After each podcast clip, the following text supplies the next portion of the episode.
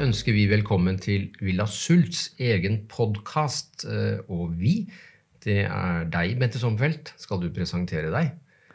Jeg er psykologspesialist og faglig direktør ved Villa Sult. Og jeg heter Finn Skårderud og er direktør her og psykiater. Og vi er jo i en pandemitid, som det heter, Bente. Mm. Det er jo en kjærkommen anledning til også å snakke litt om spiseforstyrrelser og hva som kan være av ekstra utfordringer i disse tider. Da er det jo veldig fristende å gi deg ordet med en gang, da. Finn, du er jo doktor. Så hvis man kunne begynt å tenke litt sånn Er spisefryser eller egentlig et eh, feil spørsmål? tenker jeg. Det er ikke et spørsmål. Vi vet jo at spisefryser er en egen risikogruppe i disse pandemitider. Ja, da kan vi gjøre det litt sånn pedagogisk og begynne med å si at uh, spiseforstyrrelser er psykiske lidelser, men det er jo blant de psykiske lidelser som absolutt setter mest somatisk avtrykk. Så vi kan jo gjøre det litt sånn ryddig og si litt om medisinske risikoer. Uh, skal jeg da begynne med det? Det syns jeg hadde vært fint. Ja, og klart at Det som for mange kanskje er mest sånn nærliggende å begynne med, det er jo å begynne med spisevegring. Jeg liker ofte å si spisevegring istedenfor anoreksi, fordi anoreksi er et gresk ord. Spisevegring er norsk, og det handler nettopp om å vegre spising. Og mange ønsker å gå ned i vekt. Og klart over tid, eller også på kort sikt, så betyr jo undervekt og eller ernæringssvikt betyr i seg selv risiko. Og for å være litt dramatisk så vet vi jo at spisevegring er eh, psykiatriens mest dødelige lidelse. Vi skal ikke skremme folk for mye med det. Når det er en dødelig lidelse, så betyr det statistisk sett kortere levealder. Det er få som dør si, her og nå. Eh, men det er jo slik at det er eh, definert risiko, og noe av denne økte dødeligheten, utover at folk ikke blir 80, men kanskje blir 70, det er selvmord. Men en annen er jo eksempelvis lungebetennelse. Altså at ernæringssituasjonen gjør at man har en økt risiko for nettopp det. Og det er som kjent en av oppsi, symptomene i denne koronaepidemien. Er det noen særskilte andre ting du tenker gjør at man på et sånn medisinsk grunnlag kan si at spisefryser har en, er i seg selv en egen risiko? da? Ja, fordi at uh, i spisevegring så ligger det å vegre å spise. Uh, men for spiseforstyrrelser som sådan, inkludert også diagnosen bulimi, med overspising og renselse, så er det jo sånn at det også er en del andre atferder. Uh, hyppig overspising, hyppig oppkast, rensende aktiviteter i form av overdreven fysisk aktivitet, Eh, eventuelle misbruk av vanndrivende, avførende preparater osv. Eh, da kommer tillegget dette med at eh, kroppens kjemi blir forstyrret. Vi snakker bl.a. om noe som heter elektrolytter, hvorav kalium er en viktig elektrolytt. Man mister elektrolytter. Man kan få noe som vi kaller hypokalemi, altså lite kalium i blodet. Og det har konsekvenser, f.eks. risiko for besvimelser og risiko for hjertesvikt. slik at det er en del pasienter som nok bør være innom fastlegen eller laboratorier med en viss regelmessighet. Og det kan jo være at deres timer blir avbestilt i disse dager. Og det er ikke bra. Nei. Så hvis man liksom snakker litt norsk, da, og ikke medisinsk finn også, så er det noe med at utgangspunktet så kan former, ulike former for spiseforstyrrelser gjøre at kroppen i utgangspunktet er i en ubalanse. Og ved en eventuell koronasmitte så kan dette føre til vondtvære. Eh, definitivt. Eh, og så kommer det et ganske viktig tema, og det er garantert et tema som vi skal komme tilbake til i denne podkasten vår. Og det er jo den tredje spiseforstyrrelsen. Eh, og vi må jo kort si noe om det. Nemlig det at overspisingslidelse, som betyr emosjonell spising. Altså man spiser på følelser. Det kan være følelser av usikkerhet, utrygghet. Eh, mange som overspiser på denne måten, har mobbehistorier, de har traumehistorier. Og dette er jo ikke en anerkjent diagnose i det norske helsevesenet. Dvs. Si at det fins lite hjelpetiltak, det fins lite oppmerksomhet, og det fins formelt sett ikke behandlingsrettigheter, så dette er jo på mange måter en ignorert, underbehandlet gruppe. Det er fristende å si, uten å, tulle med alvorlige ting, at de er avspist i helsevesenet. Og her kommer det noe som er ganske relevant. Eh, ved overspisingslidelser så er det ikke sånn at man med nødvendighet blir overvektig, men en del blir det. Det går an å ha overspisingslidelse og ha stort sett eh, en statistisk normalvekt. Men for mange er overvekt en konsekvens. Og det ser jo ut til at i denne koronaepidemien at en del av de pasientene som legges inn til intensivbehandling rundt omkring i verden, jo, de er overvektige. Eh, Bl.a. noen tall fra de første dagene i England viser at to tredjedeler er overvektige. Og at mange av disse er menn. Så det er kanskje viktig å ha dette fokuset på at her er det en mulig risikosituasjon mm. ved en ukjent eh, eller lite kjent spiseforstyrrelse. Så det vi egentlig nå forsøker å formidle, Finn, er jo at vi bør også kanskje spesielt i disse eller denne pandemitiden også være ekstra årvåkne for faktisk spiseforstyrrelser. Og ikke tenke at man skal tilby mindre hjelp, men snarere tvert imot kanskje mer hjelp. Det ligger vel i både din og min og William Sults natur at vi ikke liker å dramatisere. Vi liker å forsøke å bidra med saksopplysninger og nøktern kunnskap, og samtidig også forsøke å få folk til å beholde roen. Men det er klart at helsearbeidere, familie, venner, pårørende bør nok være ekstra årvåkne for å se omkring seg og være litt obs på de de har rundt seg.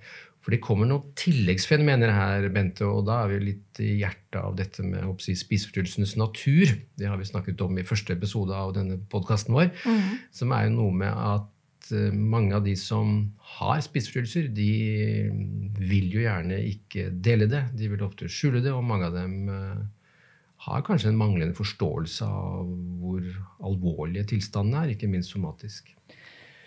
Ja, som kan kanskje gjøre at noen vil tenke at man ikke i utgangspunktet kanskje søker mer hjelp eller søker hjelp, men at man kanskje kan bruke også tiden til at spisefrysen tar nesten mer overhånd, mer tid. Hvis vi blir spurt om psykologiske særtrekk ved spiseforstyrrelser, så vil nok vi være ganske raske med å si at et av særtrekkene er følelsen av ambivalens. Altså ambivalens litt generelt, men ikke minst til endring, til å bli frisk. Eh, dels fordi at mange kanskje ikke erkjenner, som vi sier, at dette egentlig er en lidelse. Eh, de syns andre overdriver. Kanskje tenåringer syns at de voksne overdriver. Eh, dels fordi mange opplever at de mm, får noe ut av det. Vi snakket sist om at det er vel så mye en løsning, men så blir løsningen problemet. Altså Streng restriksjon, disiplin, trening kan oppleves som kontroll. Men så mister man kontroll over kontrollen, sa du sist. Ja. Men eh, en løsning kanskje på situasjonen i dag, da, tenker jeg, Finn. Altså, det er jo forståelig at i disse pandemitider så blir jo man liksom tvunget til isolasjon. Det er ikke det at man ikke opplever å ha muligheten til å kunne være sosial eller være med andre, men man blir jo tvunget til å bli isolert. Man blir satt i karantener. Og sånn sett så kan man også tenke at her og nå så blir kanskje dette med løsningen av å bruke mer tid på mat, kropp og overopptattheten, eh, men at det kan bli et problem ja, det er ikke bare sinnet og ens eget liv, men i og for seg hele verden som akkurat nå er ute av kontroll. Og da kan mm. jo noen ty mer til gamle strategier. Ja. Altså som sulting og trening og overaktivitet. Eh, for andre former, sånn som bulimi, så vil kanskje noen oppsi ikke være synlig med sine problemer, nettopp fordi de har brukt veldig mye tid og krefter på å skjule dette. fordi at eh, det er jo en kjensgjerning at det å miste kontroll over inntak, som overspising og bulimi er, er jo forbundet med en slags skamfølelse i vår kultur. Og dermed er det veldig mange som ikke deler at de har sånne problemer. Mm. Jeg bare klarer ikke å la være å se, Du nevnte jo ambivalens i Stefin. Vi sitter jo her inne på kontoret i Villa Sult, og der bak deg så står det et skilt. Ambivalens. Og på dette skiltet så står det hva, altså, Nå må du passe deg litt, for jeg bare ser halve. Well, yes and no. Jeg bare tenker jo litt det som også kan handle om at man sitter hjemme på rommet sitt alene og skal på en måte forsøke å tenke på at man skal gjøre en endring, eller forsøke å la være å overspise, eller la være å ta seg den ekstra turen man ikke burde ta, så blir det jo veldig fort at man tenker eh, nei der og da. Altså man unngår på en måte å tenke endring. Man blir sånn stående i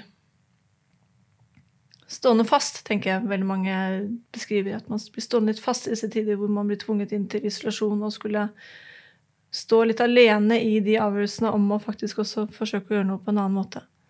Ja, mange vil nok kunne vite at her burde jeg osv., men så ender man på gamle strategier. Ja. ja. Det er veldig fattbart på en måte, men kan fort gjøre litt til vondt verre senere. Ja, jeg tror vi skal oppsummere i den forstand at uh, vi skal ikke mene at vi jobber med problemer som er verre enn andres problemer. Men det er klart at uh, spiseforstyrrelser er en egen risikogruppe uh, i pandemien. ikke minst fordi at forstyrret spiseatferd og treningsatferd får kroppslige konsekvenser. F.eks. en veldig hard treningsøkt så vet vi at det er immunforsvaret noe redusert eh, en stund. Eh, og at det er en gruppe som i viss grad er eh, i skjul. De gjemmer seg bak normalvekt og taushet. Og si, verden vet ikke at de kan streve veldig mye inne i husene sine. Også dette som du da snakker om, da, at liksom, nå er mange i tillegg enda mer isolert uh, i karantene.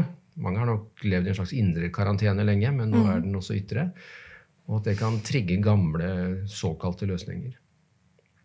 Så Et annet element som jeg tenker kunne vært også ok, kanskje bare løftet frem, er jo at mange beskriver jo også dette med at nå er det så mange mennesker der ute som strever på et eller annet vis, og mange syns mister mye som man kanskje hadde en trygghet i. Eh, og mange kan også si at man får dårlig samvittighet eller ikke tenker at man kan fortjene eller ikke kan bruke tid eh, i helsevesenet fordi det er andre som har større behov eller mer behov for den hjelpen akkurat nå. Ja, og da er vi i kjente psykologiske landskap i spissfrysene. Altså manglende evne til å gi seg selv noe, unne seg selv noe, føle at man fortjener. Mm. Eh, endog, eh, en annen versjon er at mange nærmest mener å beskytte beskytte helsevesenet mot seg selv. Altså en sterk selvforakt, eh, sterk skamfølelse, kan jo forveksles hos noen mennesker med at de føler seg lite verdt, men at de føler at de er smittebærende. Eh, det er det kanskje ikke, men eh, det er sånn de kan oppleve det. Det er noen timer som har blitt avbestilt av frykt for at vi skal bli smittet. Mm. Sånn sett kan man si at man smitter jo ikke gjennom videoskjermer og telefonledninger. da. Altså jeg, jeg, tror jeg fikk behov for å si dette, for det er også noe med å oppmuntre at i disse tider hvor vi vet at dette er også en spesiell gruppe som er utsatt for å få det vondt verre, så tenker jeg at det er viktig at vi også oppfordrer dem til at de skal faktisk søke hjelp og få hjelp.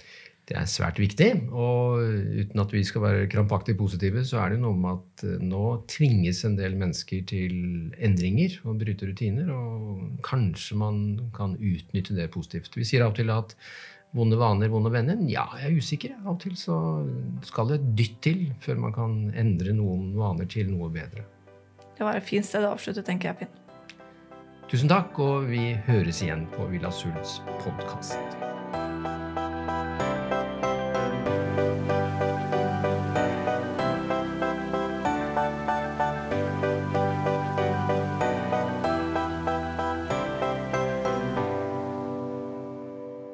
Denne podkasten er produsert av Tid og Lyst.